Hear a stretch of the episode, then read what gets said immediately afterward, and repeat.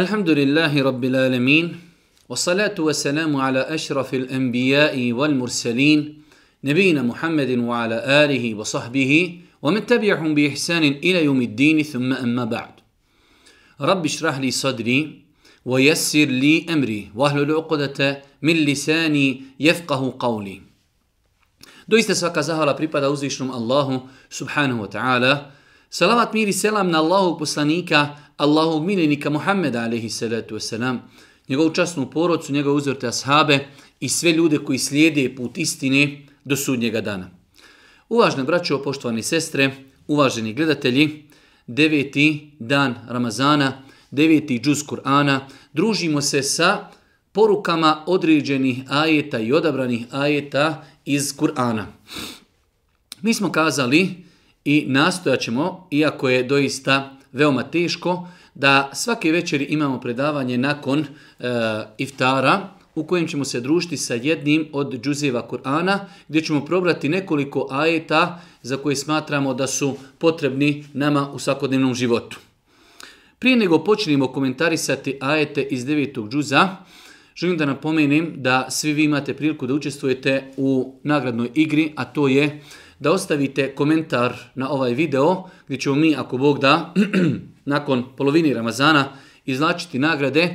Udruženje Alternativa donirali su nam 30 e, kompleta knjiga koji su oni štampali, izuzetno lijepe i korisne knjige i mi ćemo, ako Bog da, izlačiti sretne dobitnike. Rekli smo da se uh, Prvenstveno ova nagrada odnosi na ljude koji su unutar Bosni, zato što je lakše poslati knjige unutar Bosni nego izvan Bosni. Ako bi neko eventualno dobio knjige izvan Bosni, ima mogućnost da zaduži nekoga da za njega preuzme te knjige ili da, ili da odustane od svoje nagrade.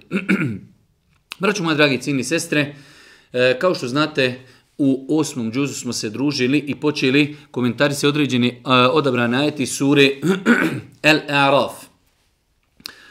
U devetom danu, u devetom džuzu nastavljamo sa surom Al-A'raf 96., 97., 98. i 99. ajet. Kaže uzvišeni Allah subhanahu wa ta'ala وَلَوْ أَنَّ أَهْلَ الْقُرَى آمَنُوا وَاتَّقَوْا ولو أن أهل القرى آمنوا واتقوا لفتحنا عليهم بركات من السماء والأرض ولكن كذبوا فأخذناهم بما كانوا يكسبون a da su stanovnici sela i gradova vjerovali i grijeha se klonuli. Mi bismo im blagoslove iz neba i iz zemlje slali, ali oni su poricali, pa smo ih kažnjavali za ono što su zaradili. Ovaj kuranski ajet je jedna sigurno kuranska formula koja ljudima pojašnjava razlog uspjeha, razlog prosperiteta na, dunjaluč, na Dunjaluku i u Dunjalučkom životu i razlog uspjeha uništenja, kazne, propasti i onome, onoga što je suprotno uspjehu. Pa kaže uzvišeni Allah, a da su stanovnici sela i gradova vjerola, vjerovali i grijeha se klonuli. Dva uvjeta, ako ljudi, čovečanstvo, narod želi prosperitet, treba da ispuni dva uvjeta. Walau anna ahla al-qura amanu wattaqu da su stanovnici sela i gradova vjerovali vjerovali u Allah subhanahu wa ta'ala vjerovali ono sve što im je naređeno, šest imanskih šarta, potpuno vjerovanje, da su vjerovali i da su se Allaha bojali. Walau anna ahla al-qura amanu wattaqu da su bili bogobojazni, da su ostavljali ono što im je zabranjeno, a činili ono što im je naređeno. Najbolja definicija bogobojaznosti jeste da insan čini ono što mu je naređeno, a da ostavi ono što mu je zabranjeno, želeći na taj način da se zaštiti od Allahove kazne koju je pripremio za nepokorni svoje robove, a to je džehennem vatra. Pa kaže uzvišeni Allah da su stanovnici zemlje, sela i gradova, da su vjerovali, da su bili vjernici i da su se bojali Allaha Đelešanhu, da su se bojali Allaha Đelešanhu i javno i tajno da su se bojali Allaha Đelešanu u svakodnevnim svojim postupcima. Kaže Allahu poslanik, itaki lahe hajthuma kunt, boj se Allaha ma gdje bio. Pa je istinska bogobojaznost raditi ono što je naređeno, ostaviti ono što je zabranjeno, znači imati neprestanu svijest da nas uzvišeni Allah subhanahu wa ta'ala vidi u svakodnim našim postupcima. Kakvu bi nagradu dobili da su vjerovali i da su se bojali Allaha, kaže uzvišeni Allah, mi bismo im blagoslove s neba i zemlji slali. Znači mi bi ljudima slali blagoslove sa neba, koji se ogledaju putem kiše, a i zemlji. Znači jednostavno Allah Đelešanu bi ljudima otvorio zemaljske riznice, da su oni vjerovali i da su se grijeha klonuli. Pa kaže, ali oni su poricali, pa smo ih kažnjavali za ono što su zaradili i radili. Walakin kezebu fe ehadnahum bima kanu jeksibun, a mi smo ih kažnjavali zbog onoga što su radili, ali prije toga su poricali, nisu vjerovali, nisu ostavljali grijehe, pa smo ih zbog toga kažnjavali zbog onoga što su radili. Pa je ovo, braću moje drage i ciljni sestre, jedna velika dunjavlučka formula, koju nam jasno prezentuje Kur'an, način uspjeha, prosperiteta, način uništenja, način kazni. Walau anna ahla al-qura amanu wattaqu da su se stanovnici zemlje, zemlje, e, zemlje, sela i gradova, da su vjerovali u Allaha i da su se bojali Allaha, mi bismo im otvorili blagoslove i nebesa i zemlji. Ali, kezebu, oni su poricali, nisu vjerovali, pa je zbog toga uzvišeni Allah subhanahu wa ta'ala kažnjavao. Pa braću moja draga i cijine sestre, mora da nam bude jasno, mora da budemo ubjeđeni da vjerujemo da je put prosperiteta, zadovoljstva, sreći, pokornost Allahu subhanahu wa ta'ala, vjerovanju Allahu subhanahu wa ta'ala, činjenje onoga što je naređeno i ostavljanje onoga što je zabranjeno. S druge strane, nevjerovanje, nepokornost, poricanje, svakako je put propasti i put kažnjavanja. Nakon toga, u 119. ajetu u, u suri El-Araf, pa sve do 126. ajeta, u, u suri El-Araf uzvišnji Allah s.w.t. govori o Musau alihi salatu wasalam i njegovom događaju sa faraonom. E, događaj sa Musaom, E, i faraonom u Kur'anu je spomenut na nekoliko različitih mjesta. Ja savjetujem da lagano, lijepo iščitate ovaj događaj zbog mnošta koristi koji nose u sebi. Ja sam se ovdje fokusirao samo na onaj moment e, u kojem dolazi da sihribazi koji su jednog momenta bili na strani faraonovoj kada su vidjeli muđizu koji je pokazao e, Musa alaihi salatu wasalam, istom momentu su primili islam, pa želim samo da o tome govorim, znači za vrijeme e, faraona, Musa alaihi salatu wasalam, došlo je do jednog, do jednog sučeljenja između Musa alaihi salatu wasalama i sihribaza čarobnjaka koje je okupio faraon, kao da oni dokažu Musa'u svoju superiornost nad njim. Pa Musa alaihi salatu wasalam, kada je bacio svoj štap, pretvorio se u jednu veliku zmiju koja je sve pojela ono što su sihribazi napravili i bacili.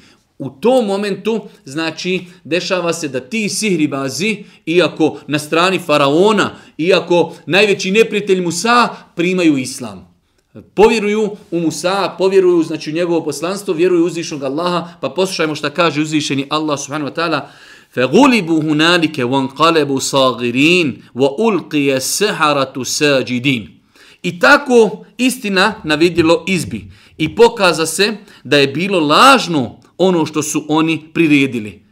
Istina izišla na, na vidilo, okupio se narod, došli sihribazi, došli čarobnjaci, došao Musa, ali se letu selam, bacili oni one svoje spletke koji su napravili, Musa, ali se letu selam sa svojim bratom Harunom, pod pomognut od uzvišnog Allaha, baca svoj štab koji se pretvorio u veliku zmiju koji je to sve uništio, pa kaže uzvišeni Allah i tako istina na vidjelo izbi. I pokaza se da je bilo lažno ono što su oni priredili. Jasno ko dan, ljudi su shvatili da je Musa alaih salatu wasalam poslanik, vidjeli su da ono što su priredili čarobnjaci, da je uništeno, da vidimo šta se dešava.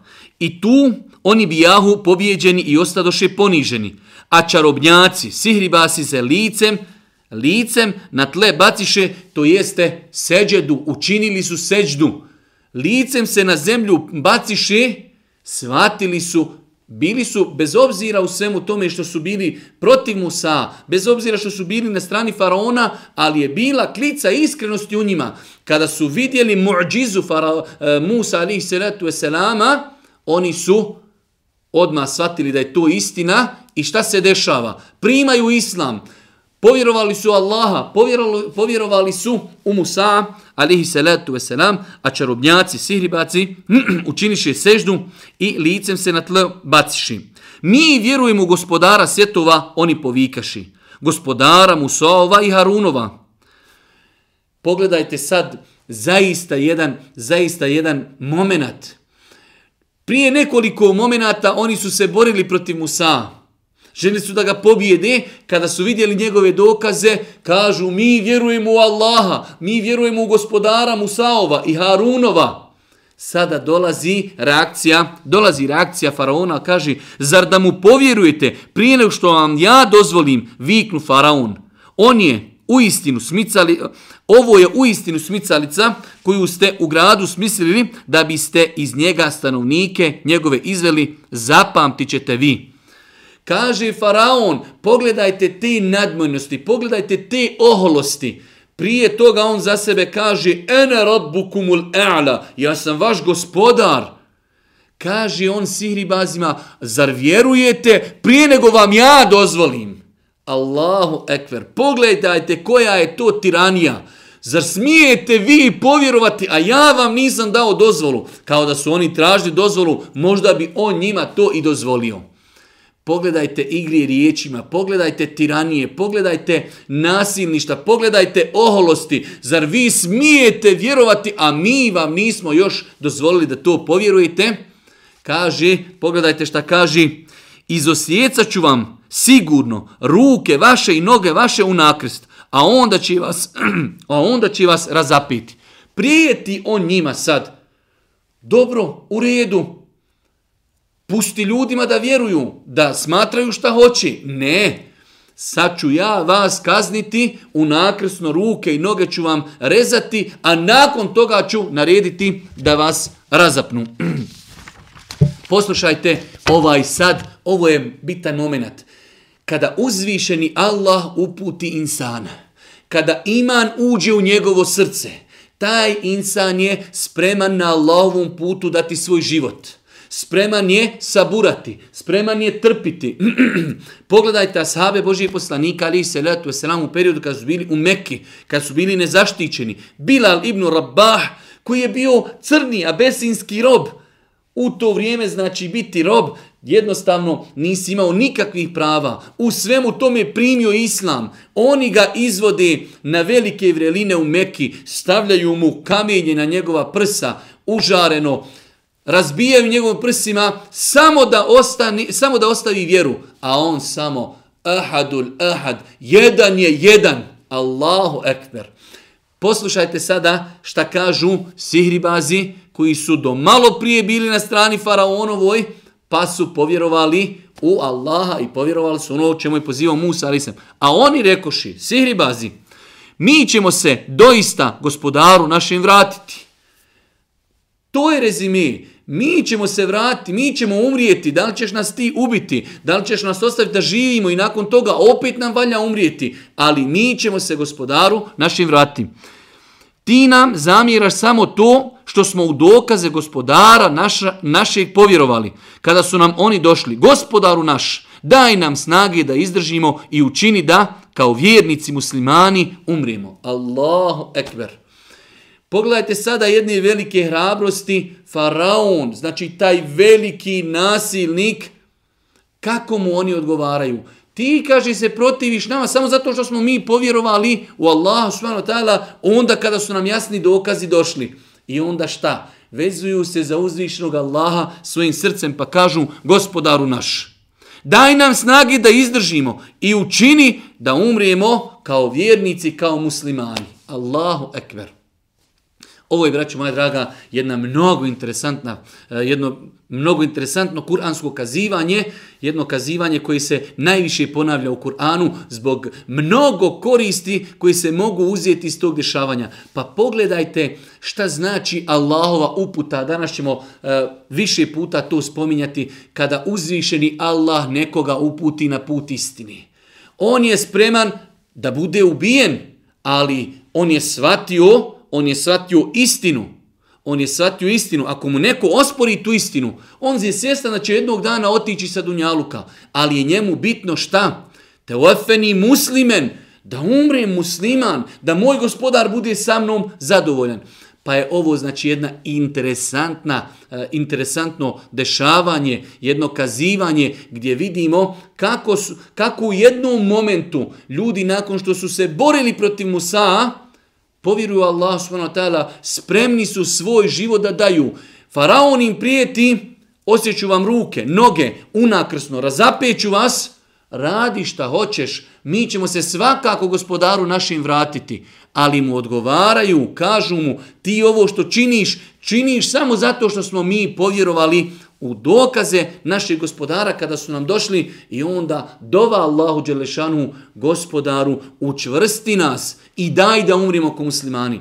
Vjerujte, braćo, moje drage cini sestre, to je najbitnija dova koju mi danas u ovim vremenima, vremenima izazova, smutnje, grijeha, nemorala, nepravdi, treba da dovimo uzvišnjom Allahu Svanotara da nas učrsti na putu istini da nas usmrti, a mi u islamu i u imanu. Jusuf alaihi salatu wasalam na kraju kazivanja o Jusufu, a nama će ono uskoro ako Bog da i doći, na kraju svega što se izdešavalo kaže te uefeni muslimen, o gospodaru moj, učini da umrem koji musliman. To je najbitnija stvar. Svi ćemo mi otići sa Dunjaluka. Neko danas, neko sutra. Neko će pod navnom znaci, pod navnim znacima, prirodnom smrću, neko u savraćajnoj nesreći, neko od bolesti i tako dalje. Ali ćemo svi otići. Tako da nama nije bitna tema hoćemo li otići ili nećemo. Apsolutno svi ćemo otići. Nama je najbitnija tema kako ćemo mi otići. Hoćemo li otići u imanu? Hoćemo li otići kao vjernici? pokorni Allahu, on zadovoljan sa nama, mi zadovoljni sa gospodarom, ili ćemo, ne daj Bože, otići kao nevjernici, kao griješnici, kao nepokorni i tako dalje. Pa kažu, gospodaru naš, daj nam snage da izdržimo. Pa i mi trebamo moliti Allaha Đelešanu u ovim teškim vremenima. Ja, rab, gospodaru naš, daj nam snage, ojačaj nas i daj da umrimo, i daj da umrimo kao muslimani. Pa moj savjet, znači, e, imate na dosta mjesta u Kur'anu, e, u više sura Allah Žešanu govori o događaju između Musa, alihi salatu wasalam, i Faraona, pa uzmite Kur'an lagano, lagano to iščitajte, doista mnogo korisno kazivanje. Nakon toga u 140 i trećem ajetu Opet uzvišeni Allah Đelšanu govori o jednom drugom događaju sa Musaom alaihi salatu wasalam وَلَمَّا جَاءَ مُوسَ لِمِي قَاتِنَا وَكَلَّمَهُ رَبُّهُ قَالَ رَبِّ أَنْظُرُ رَبِّ أَرِنِ أَنْظُرُ إِلَيْكَ I kada nam Musa dođe u određeno vrijeme, na termin koji smo zakazali, i kada mu gospodar njegov progovori, on reče, gospodaru moj, ukaži mi se da te vidim. Događaj između Musa alaih salatu wasalam i njegovog gospodara. Inače, Musa alaih salatu wasalam je jedan od e, posebno odabranih poslanika Ulul Avm. U jednom od e, kazivanja kuranski spominuto je da je Musa alaih salatu wasalam došao znači gdje je razgovarao sa svojim gospodarom Allahom subhanu wa ta'ala, pa kaže Musa alaihi salatu wasalam, Rabbi erini anzuru ilik, O gospodaru moj, dopusti mi, daj mi da te vidim.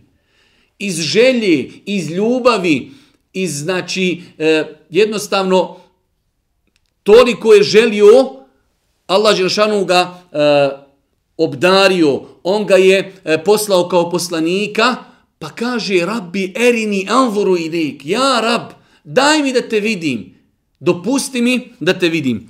Pa da vidimo šta je bio odgovor. Kaže uzvišeni Allah, lenterani, ne možeš me vidjeti, nećeš me vidjeti. Ali pogledaj u ono brdo, pa ako ono ostane na svom mjestu, vidjet ćeš me. I kada se gospodar njegov onome brdu otkrio i pokazao, on ga sa zemljom sravni, a Musa, alihi selam se, onesviješten strovali. Čim se je osvijestio, reče, hvaljen neka si, kajem ti se, ja sam pravi i prvi vjernik. Ovaj, o, ovu cijelinu par ajeta, odnosno ovo je jedan veliki ajet 143 e, spomenuo sam da, braćo moja draga, ponovo po ko zna koji put e, razmislimo o veličini našeg gospodara Allaha subhanu wa ta'ala.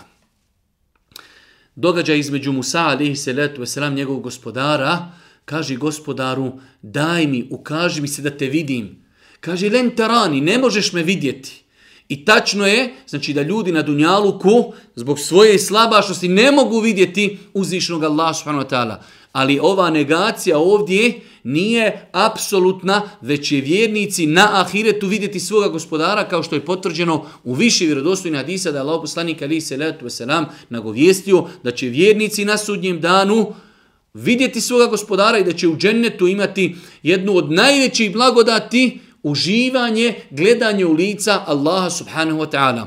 Pa kaže uzvišeni Allah Musa'u, nećeš me vidjeti, ne možeš me vidjeti, ali evo pogledaj ovo brdo, uzviđeni Allah će se pokazati tom brdu, pa ako ono ostani čitavo, moćeš me vidjeti.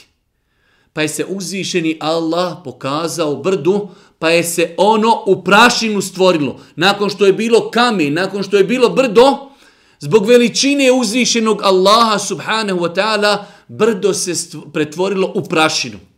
Kada je to Musa alihi salatu veselam vidio, shvatio je koliku veliku stvar je tražio, pa je pao u nesvijest. Zbog veličine toga šta se desilo, Musa alihi salatu veselam je pao u nesvijest, Pa kaže kada je došao sebi prvo što je rekao Subhanek, veličanstve neka si ti, o gospodaru, hvalje neka si ti, kajem ti se. Subhaneke tubtu ilike, wa ana awwalul mu'minin, a ja sam, ja sam vjernik prvi. Ja sam vjernik prvi. Prva stvar, pogledajte, dolazi sebi, veliča Allaha, znači još je pod tim dojmom, dojmovima veličine uzvišenog Allaha, tup tu i lijek, kajem ti se gospodaru zbog onoga što sam tražio od tebe da te vidim, a ja sam prvi od onih koji vjeruju, ja sam prvi koji vjeruju da se uzvišeni Allah po jednom tefsiru ne može na Dunjaluku vidjeti.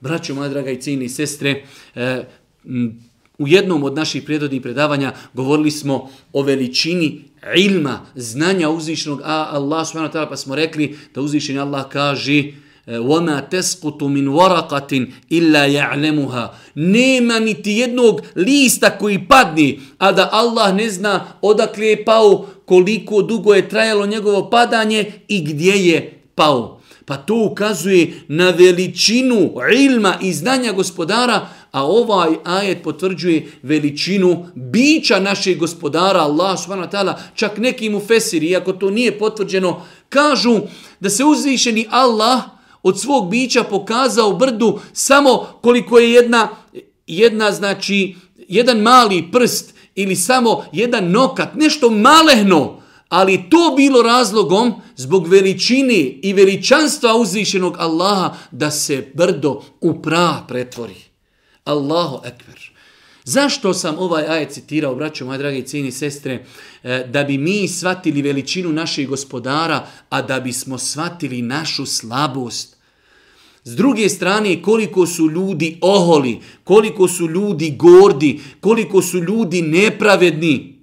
A insan, kada, kada zamisli samo sa, sa iz kosmosa da pogledate zemlju, kolika je zemlja, odnosno kolišna je zemlja. Na toj zemlji ima 7 milijardi ljudi, molekula poput nas i onda insan dođe i uliči, psuje Allaha, psuje poslanika, psuje svetinje, ne vjeruje u Boga i tako dalje.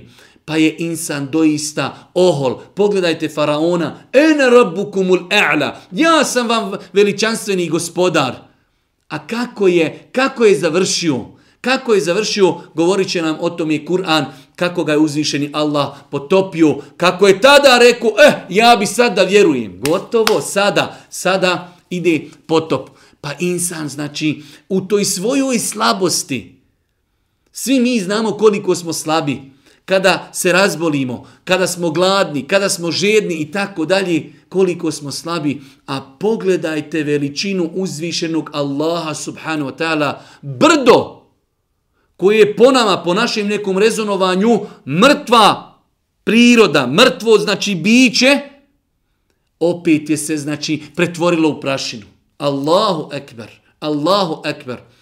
Pa ovaj ajet nam jasno ukazuje ukazuje na veličinu uzvišenog Allah subhanahu wa ta'ala s druge strane koliko smo mi slabi, koliko smo gordi, koliko smo oholi, kolika je naša potreba za uzvišenim Allahom subhanahu wa ta'ala.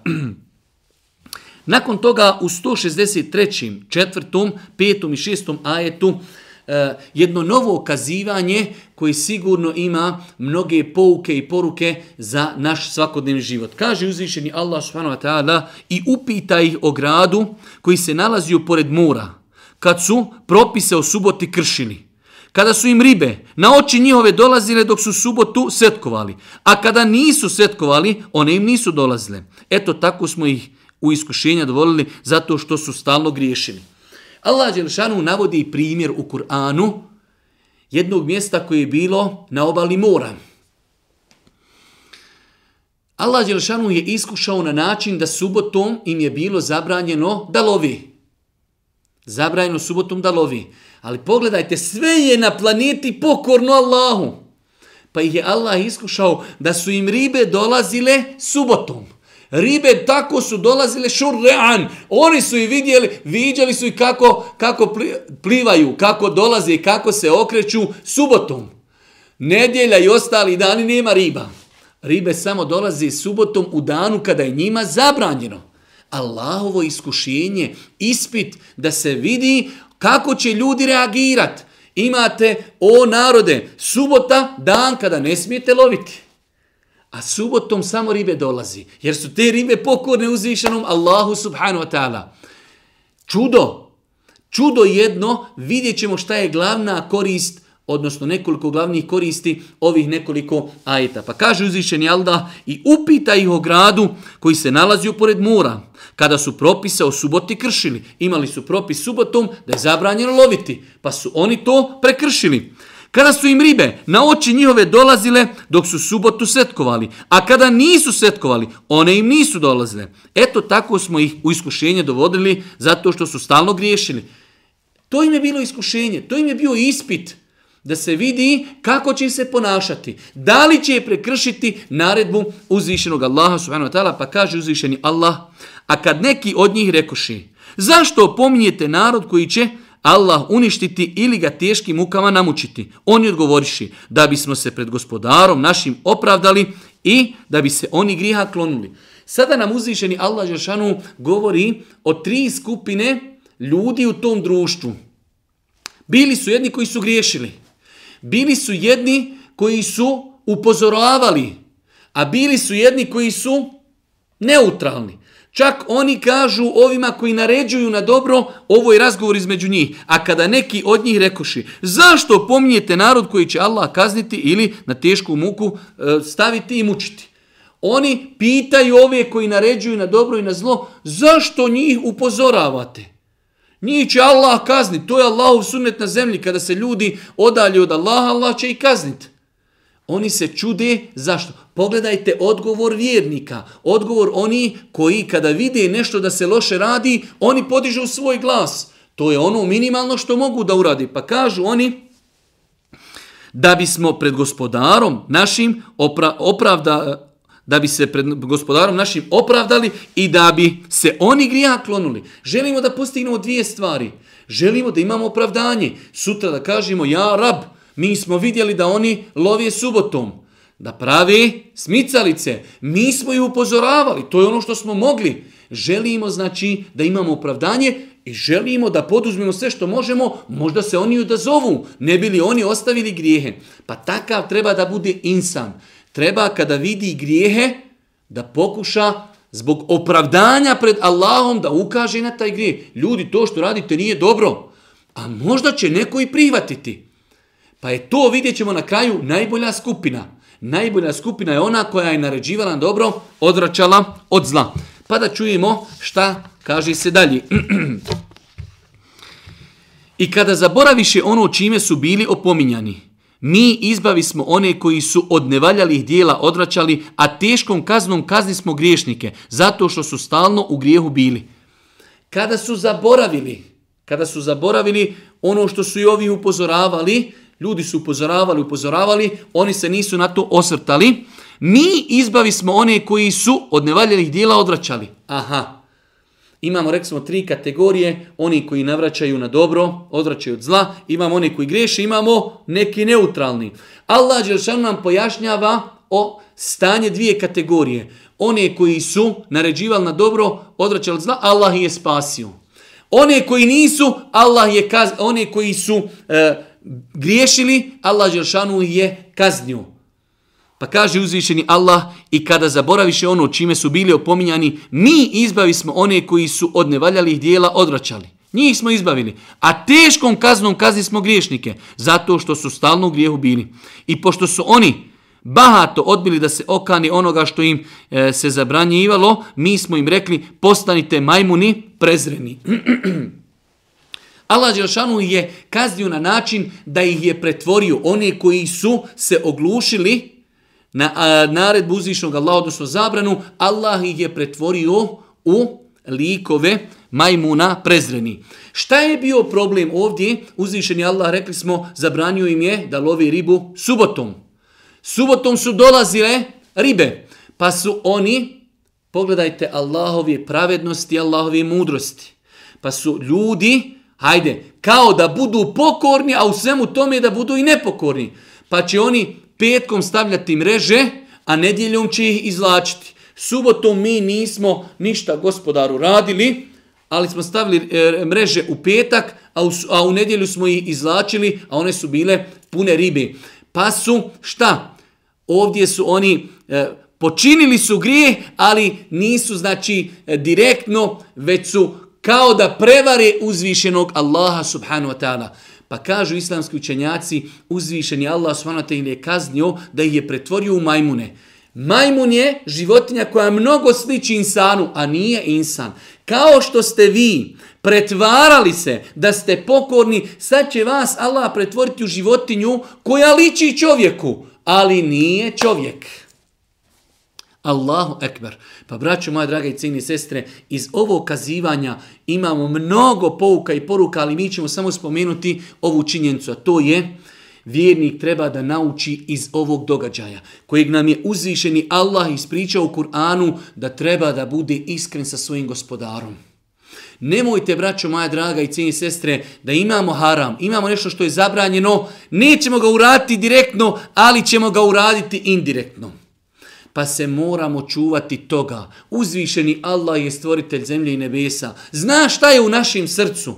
Zna da li mi radimo haram direktno ili ga radimo indirektno. Imamo znači neke načine i metode kako da izbjegnemo ono što nam je zabrajeno, a u isto vrijeme da ga i uradimo. Imate danas primjer radi kamata. Ljudi, jasno, evo ti 100.000 maraka, vratit ćeš 120. Ali kaže, ovi 20 nisu kamate, to se broji dobitak. Ili nazivaju razno raznim drugim imenima. Imate alkohol, ali znači ne zove se imenom alkohola i tako dalje. Pa znači insan treba da se pazi. Insan treba da se pazi. Pogledajte kakva kazna je zadesila one koji su se poigravali sa Allahovim propisima poigravali su se sa Allahovim propisima zabranjeno e, pecanje i lovljenje ribe subotom, ok, mi ćemo staviti mreže petkom, kada dođu ribe u subotu, one će uletiti u mrežu, mi ćemo mrežu izlačiti na veće ili u nedjelju ujutro i nismo napravili nikakav prekršaj. Pa je to poigravanje sa propisima. Čak ovo može biti gore nego kršenje samog propisa. Kada se insan poigrava s propisom, Kao da ne zna uzvišeni Allah da smo mi mrežu stavili petkom, a izvadili je nedjeljom. Da bi zaobišli Allahov propis pa se moramo paziti i čuvati. Kada nam e, bude jasno da je određena stvar haram i zabranjena, nemoj da se poigravamo pa da pokušavamo indirektno doći do onoga što nam je zabranjeno. Svakako, ovaj, o, skupina ovih hajita nam jasno ukazuje na vrijednost, na naređivanje, na dobro odvraćanje od zla, a dosta ćemo o tome govoriti u budućim, ako Bog da, emisijama. Ona skupina koja je pozivala, koja je upozoravala, Allah Đelšanu kaže, mi smo njih spasili pa su spašeni zato što su naređivali na dobro, odvraćali od zla. Pa insan vjernik treba u životu, kada vidi nešto što nije dobro, što je zabrajno, u granicama svojih mogućnosti, minimalno, minimalno jezikom ili minimalno preziranjem srca, ali da čovjek reagira, da ukaži, da spomeni, što kažu naši ljudi, da se zna na čiju sam strani. Negiram, hoću da se zna da sam ja od onih ljudi koji to ne podržavaju. Pa je mnogo bitno u jednom društvu da bude skupina ljudi koji upozorava, koja podučava, koja kaziva, da se ukazuje na ono što je zabranjeno, što je sporno i tako dalje. Pa vidimo u ovom događaju da je uzvišeni Allah njih, da je njih spasio, one koji su kršili da ih je kaznio. Ona treća skupina nije spomenuta. Allah Đelšanu najbolje zna šta je sa njima, šta je sa njima bilo. Pa znači dvije velike, velike koristi uzimamo iz grupe ovih ajeta, a to je da insan mora da zna da uzvišeni Allah zna šta je u njegovom srcu. Ne smijemo varati gospodara, ne smijemo varati svoga gospodara, ne smijemo se pretvarati, ne smijemo biti neiskreni, pa indirektno indirektno činiti ono što je zabrajeno, a svakako rekli smo da ovo ukazuje na vrijednost ukazivanja na dobro i odvraćanje od zla. Kaže uzvišnji Allah u 170. ajet sure El A'raf وَالَّذِينَ يُمَسِّكُونَ بِالْكِتَابِ وَاقَامُ صَلَا إِنَّ لَا نُضِعُ أَجْرَ الْمُسْلِهِينَ A oni koji se čvrsto drže knjige i koji namaz obavljaju, pa uh, mi doista nećemo dopustiti da propadne nagrada onima koji čine dobra djela. Ovdje sam e, samo ovaj ajet citirao zbog jednog momenta, svakako ajet ima svoju težinu i ima svoju vrijednost. Allah Đelšanom kaže, oni koji se čvrsto drže knjige i nama zobavljaju, mi nećemo dopustiti da propadne njihova nagrada i njihova dobra djela. Ali ovdje je došao glagol, kaže, وَلَّذِينَ يُمَسِكُونَ U arapskom jeziku riječ meseke jumsiku znači nešto držati. Meseke jumsiku nešto držati. Ovdje se moglo kazati, moglo kazati, znači bilo bi ispravno jezički, voljedine jumsikune el kitab, oni koji drže knjigu. Ne, uzvišeni Allah kaže voljedine jumesikune sa teštidom na slovom s, da bi pojačalo značenje ovog glagola, oni koji se čvrsto drže knjige i koji namaz obavljaju, mi nećemo dopustiti da njihove nagrade propadnu. Pa braću moja draga, pogledajte kako je Kur'an svaki harf, svaki teštit, svako slovo ima svoje značenje. Oni koji čvrsto, tako i prevedeno, oni koji se čvrsto drže knjige, Čvrsto, vjernik treba da bude čvrst, da bude postojan, da se čvrsto drži Allahovog govora, da se čvrsto drži njegovih smjernica. Walladine yumsikune oni koji čvrsto se drže Allahovi smjernica, Allahovog govora, onoga što uzvišen Allah naredio i onoga što je zabranio i oni koji namaz obavljaju, pa nam uzvišen Allah ovdje spominje najbitnije dijelo u islamu, klanjanje namaza, pa vjernik treba da iz ovog ajeta nauči, da treba da bude postojan, da bude čvrst, da se ne poigrava sa Kur'anom i njegovim smjernicama, da namaz obavlja, a uzvišeni Allah s.w.t. neće dopustiti da njegova dijela budu, da budu zaboravljena. Nakon toga, e, ajeti E, od 172. do 174. E, nedavno smo imali priliku da ove ajete spominjemo, ali zbog njihove bitnosti, ako Bog da, evo, ponovit ćemo ih. Kaže uzvišeni Allah, i kad je gospodar tvoj skičmi Adamovi sinova izveo potomstvo njihovo i zatražio od njih da posvjedoče protiv sebe, zar ja nisam gospodar vaš? Oni su odgovorili, jesi, mi svjedočimo. I to zato da na sudnjem danu ne reknite mi ovome ništa nismo znali. Allahu ekber. Allah Đelešanuhu, kao što je došlo u određenim eh, hadisma Božih poslanika, alihi salatu wasalam, kada je stvorio Adem, alihi salatu wasalam, svojom desnicom je potrao leđa eh, Ibrahi, eh, Adem, alihi salatu wasalam, pa, su, i, pa je izišlo njegovo potomstvo, pa ih je uzvišeni Allah subhanahu wa ta'ala upitao da posvjedoči, elestu bi rabbikum, zar nisam ja vaš gospodar? Kalu bela, jesi, mi svjedočimo. Zašto je to urađeno? Da ljudi ne bi imali dokaz da kažu mi nismo znali da postoji gospodar. Allah poslanik kaže u redostom hadisu svako dijete se rađa u fitratu.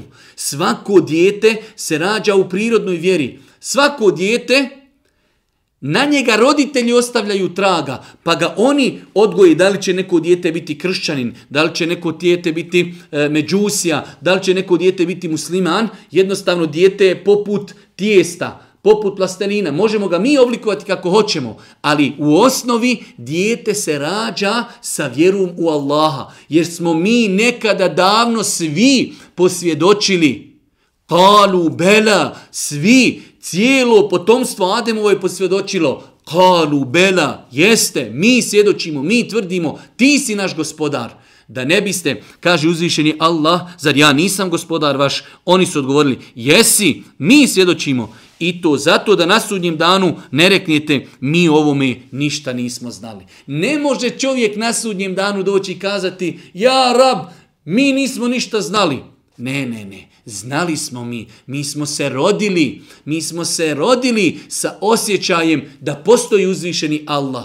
Zato ćete vidjeti na kraju krajeva i ljudi nemuslimani kada im se nešto desi ovako dođu, pokazuju. Šta pokazuju? Pokazuju u nebo. Svi znaju da je gore uzvišeni Allah, da je on iznad sedam nebesa. Allahu ekber. Pa braćo moja draga, ovaj ajet je jedan veličanstveni ajet koji na kraju krajeva e, onemogućuje ljudima da dođu sutra na sudnji dan pa kažu gospodaru, mi nešto nismo znali. Ne, Allah Žešanu je toliko milostiv, toliko pravedan da je ljudima i taj dokaz uzeo Znači, ne može neko kazati, nismo znali mi da ima gospodar, da njemu trebamo robovati, da je on naš gospodar. Ne, svi smo mi to nekada u Ezelu davno posvjedočili. U 178. ajetu kaže uzvišeni Allah subhanahu wa ta'ala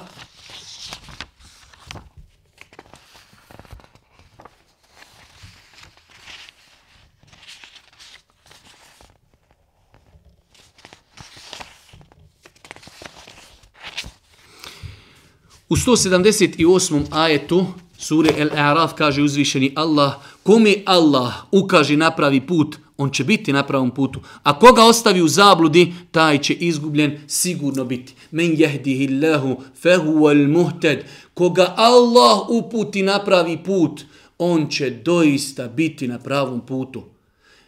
Juče i prekuće, znači u prijethodnim predavanju smo govorili da u islamu postoji dvije vrste upute.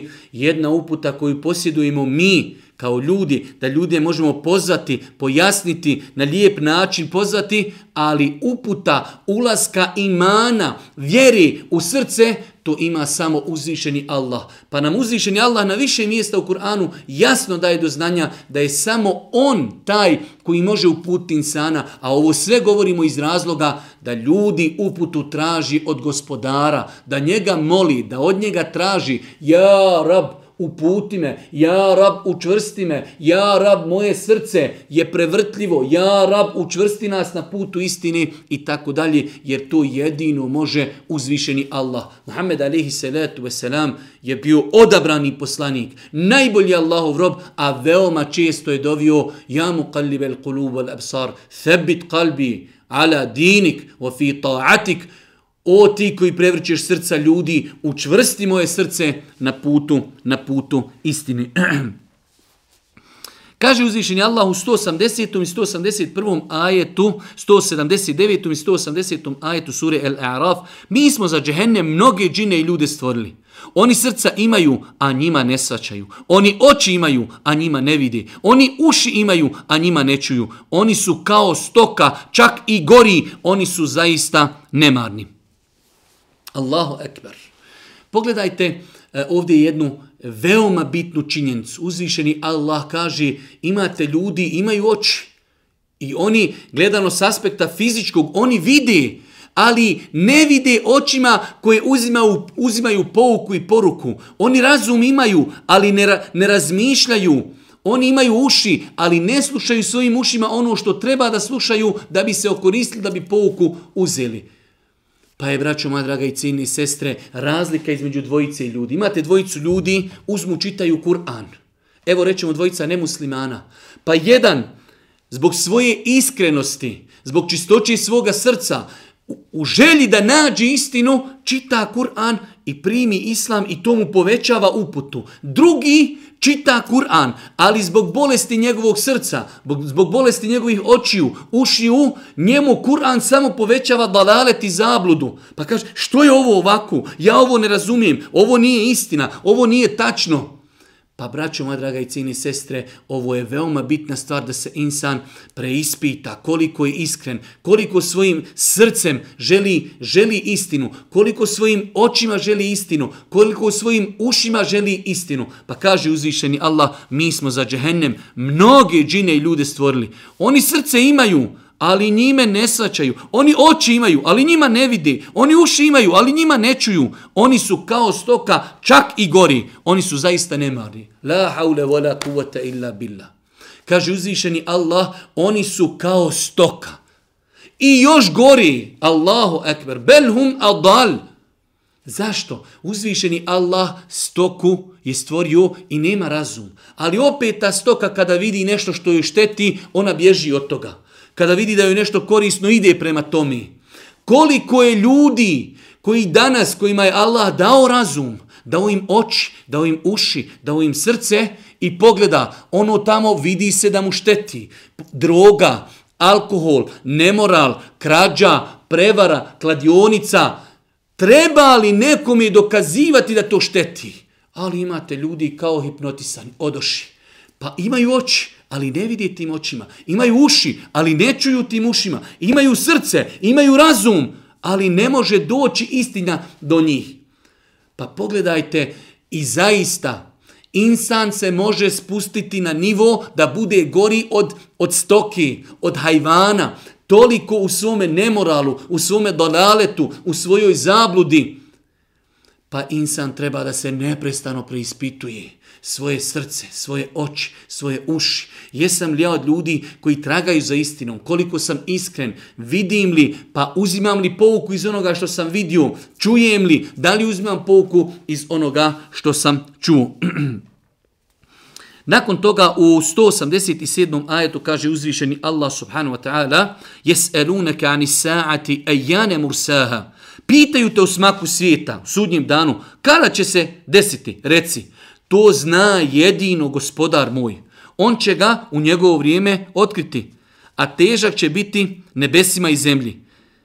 Sasvim, neočekivan, sasvim neočekivano će vam doći.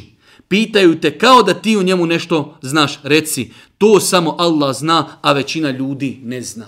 Ovaj ajet smo e, e, citirali da bi samo e, uspostavili jedno veliko pravilo, a to je e, Dosta puta vidimo e, neka proročanstva, bit će sudnji dan tak, tada, ovi nagovještavaju, ovi traži, ovi govori i tako dalje. Kada će biti sudnji dan ne zna niko osim uzvišeni Allah. Kada je Džibril alihi salatu wasalam u ljudskom obliku došao poslaniku pa mu kaže Ahbirni ani sa'a, Reci mi, kada će biti sudnji dan? Obavijesti mi o sudnjem danu, kaže mu Boži poslanik. Mel mes'ulu anha bi aleme mine sa'il. Onaj koga si pitao, Muhammed, najbolji Allahov rob, ne zna ništa kao što ne zna onaj koji pita. To si ti, Džibrile. Džibril, najbolji melek. Muhammed, najbolji Allahov insan i rob, Ni jedan od njih dvojice ne znaju kada će biti sudnji dan. Pa kada čujete da neko kaže proračunavanje, e, mogo bi biti sudnji dan, tada apsolutno ne. Jer ne zna niko kada će biti sudnji dan osim uzvišeni Allah. Kaže uzvišeni Allah Božijem poslaniku da kaže قل لا املك لنفسي نفعا ولا ضرا الا ما شاء الله ولو كنت اعلم الغيب لاستكثرت من الخير وما مسني السوء in ene illa nedhirun u obeširun li qavmi ju'minun. Reci, reci Muhammede, reci Muhammed, pogledajte ovaj ajet kako jednu ruku govori protiv Muhammeda alihi salatu wasalam. Da je Allahu poslani kao što to nekada neki tvrde da je on Kur'an pisao ne bi u njega stavljao ajete u kojima uzvišeni Allah kori Muhameda i ukazuje na njegove manjkavosti. Pa kaže, reci, ja ne mogu ni samome sebi neku korist pribaviti, ni od sebe kakvu štetu otkloniti. Biva onako kako Allah hoće. A da znam budućnost, stekao bih mnogo dobra, a zlo bi bilo daleko od mene. Ja samo donosim opomene i radosne vijesti ljudima koji vjeruju. Allahov poslanik, alihi salatu wasalam, s tog aspekta je bio kao obični ljudi nije mogao on ljudima pribaviti nikakvu korist, niti odagnati od njih neku štetu. U kontekstu, ako se neko razboli, ne može ga Allahu poslanik alihi salatu selam izliječiti, već može dobiti Allahu da ga uzvišeni Allah izliječi. Mi danas imamo muslimana koji dođu kod mrtvog čovjeka, kod kabura, kod turbeta i dovi, dovi tom čovjeku da od njega odagna neku nedaću. Pogledajte šta Allah Đeršanu kaže za poslanika najboljeg Allahovog groba. Reci, ja ne mogu ni samome sebi korist pribaviti. Allahu ekber. Muhammed alihi selam ne može sebi nikakvu korist pribaviti. Čak neki kažu učenjaci, ne može sebe napravi put uputiti. Ne može od sebe dalale to dagnati. Kaže uzvišin Allah, reci, ja ne mogu ni samome sebi neku korist pribaviti. Ni od sebe kakvu štetu odagnati biva onako kako Allah hoće.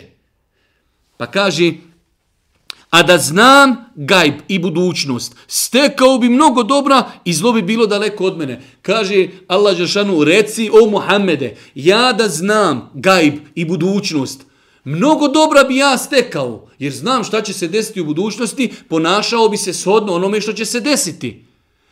A kaže, zlo bi bilo daleko od mene. Pogledajte Božje poslanika, ali se letu selam, na uhudu. Ranjen, slomljen mu zub, ubijeno 70 e, ashaba. Da je Allah poslanik znao budućnost, rekao bi ashabima, ne, ne, nećemo tako da radimo. Pogin će nam 70 ljudi ako se tu budemo borili.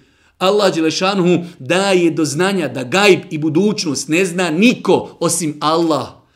Koliko nam a, ovaj ajet otvara oči, Poslanik Ali Selam kaže, Allah mu kaže, reci da ti znaš gajb, pribavio bi sebi mnogo dobra, zlo bi bilo daleko od mene, ali ne zna gajb.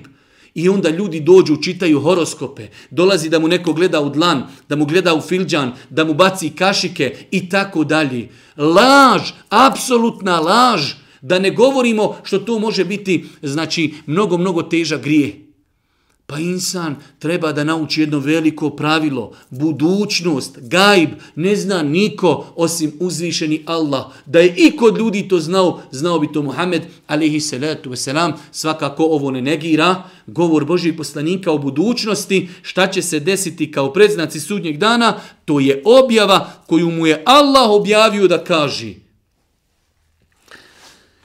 Nakon toga, kaže uzvišeni Allah s.w.t. u 199. ajetu, 200. i 201. ajetu, Hudi l'afa wa'mur bil urfi wa'arid anil jahilin. Ti sa svakim lijepo i traž da se čini dobra, a neznalica se kloni. Jedan veoma širok i sveobuhvatan ajet, Allah Đelšanu kaže Božijem poslaniku, Hudi l'afa, ti sa svakim lijepo. وَأْمُرْ بِالْمَعْرُوفِ وَأْمُرْ بِالْعُرْفِ I traži da se čini dobra djela, a neznalica se kloni. Tri veoma skupa i bitna savjeta za nas, za naš svakodnevni život, pa kaže uzvišeni Allah, ti sa svakim lijepo.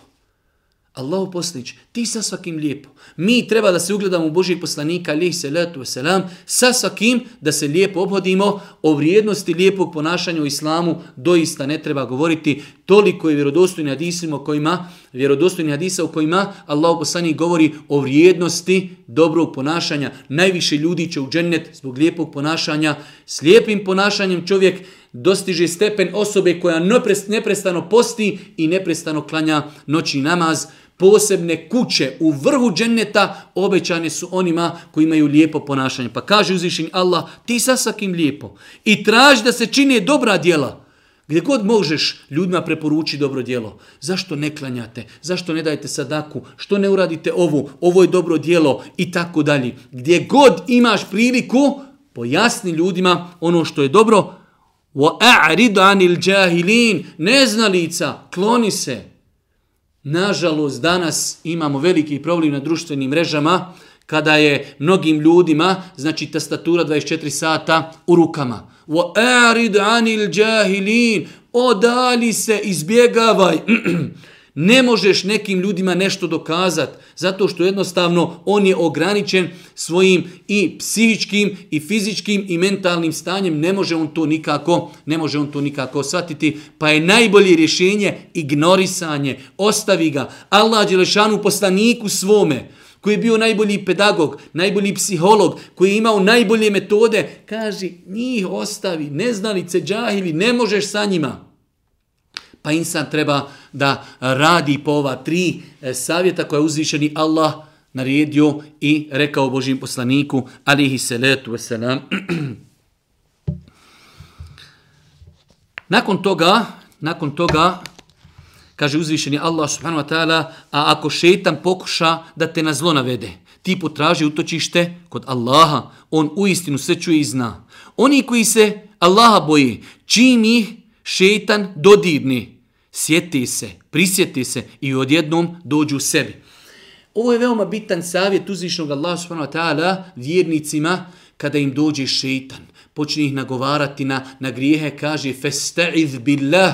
Kada ti šeitan dođe, kaže, pa mogao si to uratati. Ti znaš da je to loše. Prva stvar, eudhu billah im ne šeitan rađim.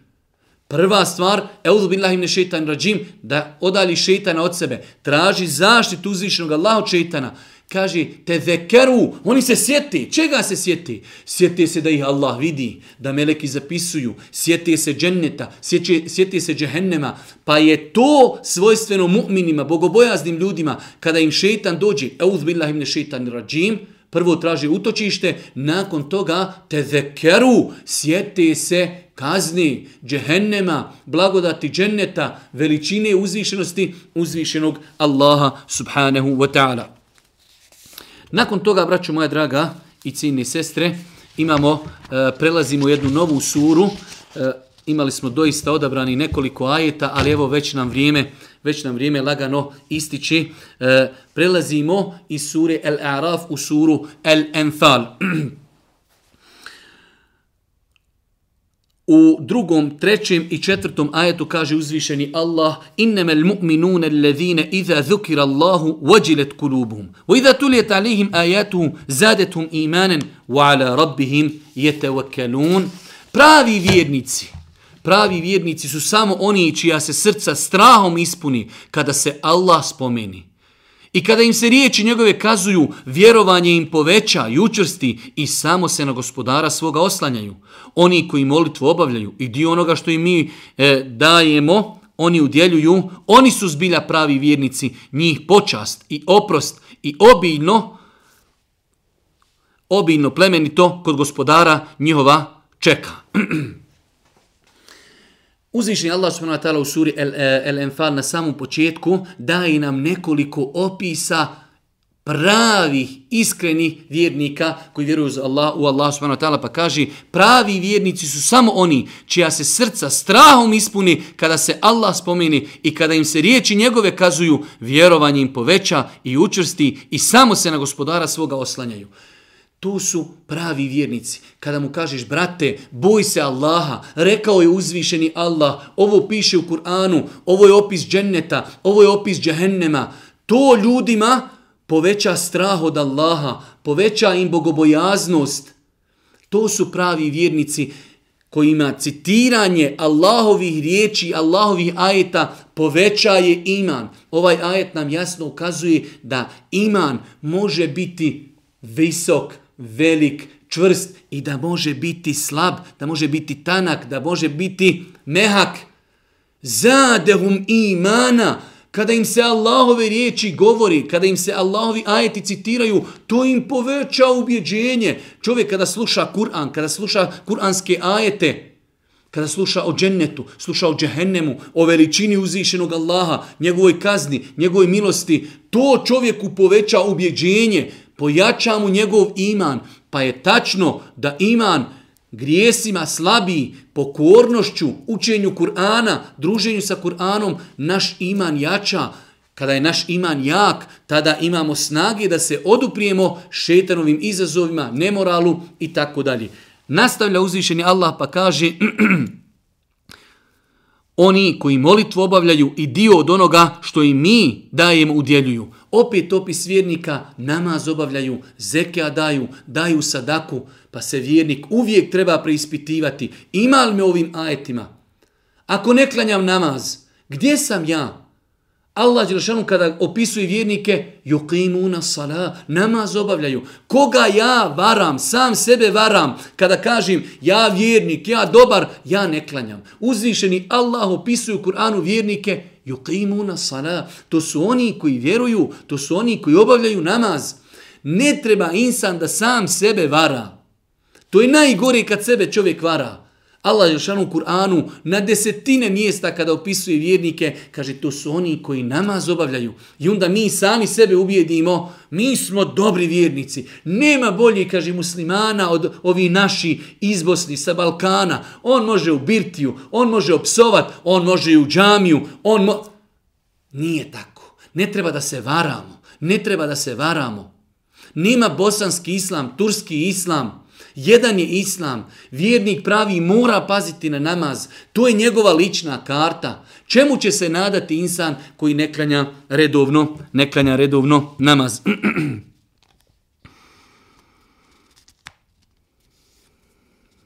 I zadnji ajet koji ćemo evo citirati u ovom predavanju jeste 24. i 25. ajet iz sure e, El eh, Enfal kaže uzvišeni Allah Ja i ladina amenu istegibu lillahi walir rasuli idha da'akum lima juhjikum wa'alamu أن الله يحول بين المرء وقلبه وأنه إليه تحشرون واتقوا فتنة لا تصيبن الذين ظلموا منكم خاصة واعلموا أن الله شديد العقاب او vjernici odazovite se Allahu i poslaniku kada od vas zatraži da činite ono što će vam život osigurati.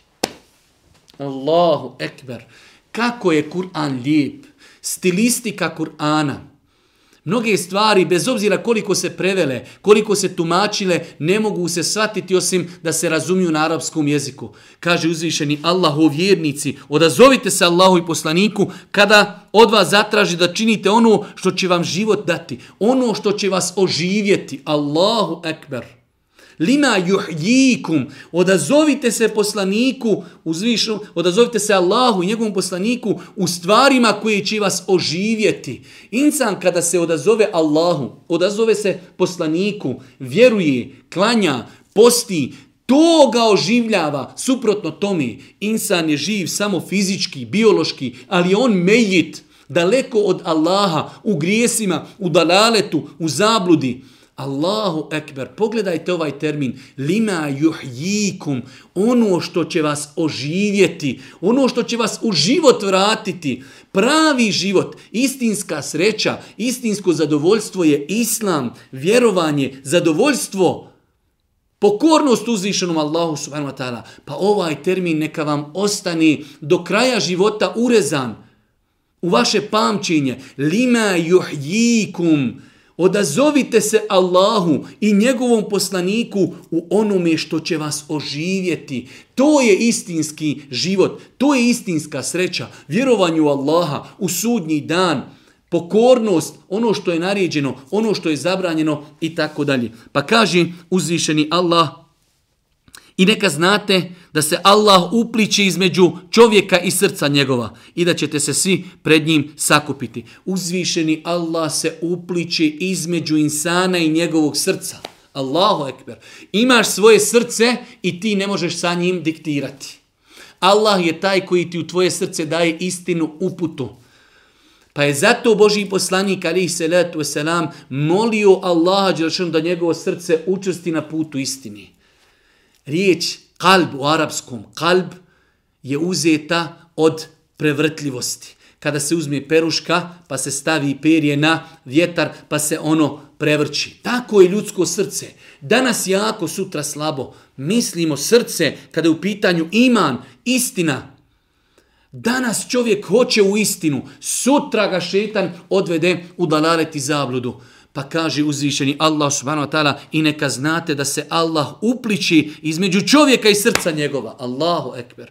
Pa moliti Allaha u ovim teškim vremenima da učvrsti naša srca na putu istini. Ako nas On ne učvrsti, ako nas On ne pomogni, posustaćemo sigurno. Kaže uzvišeni Allah, izbjegavajte ono što će dovesti do smutnji koja neće pogoditi samo oni među vama koji su krivi i znajte da Allah strašno kažnjava. Čuvajte se, kaže, smutnje. Čuvajte se grijeha. Čuvajte se izazova koji kada dođu neće samo zadesiti one koji su u problemima i grijesima. Allahu ekber. Što naš narod kaže uz suha drva gore i sirova.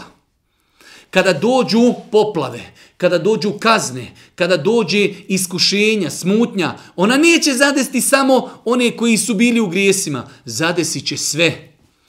Pa insan treba, treba da se čuva, da na vrijeme ukazuje na dobro, da odvraća od zla, jer kada zlo dođe, kada se proširi, kada kazna Allah subhanahu wa ta'ala dođe, uz suha drva idu i sirova drva. Molim uzvišnog Allah subhanahu wa ta'ala da nas učesti na putu istine. Molim nas subhanahu wa ta'ala da nam bude milostiv na sudnjem danu. Molim nas subhanahu wa ta'ala da nam e, podari korisno znanje. Molim nas subhanahu wa ta'ala da ukabuli naše ibadete koje činu u mjesecu Ramazanu. I na kraju subhaneke, Allahumma ve bihamdike, ešhedu en la ilaha illa in testagfiruke ve etubu ilik.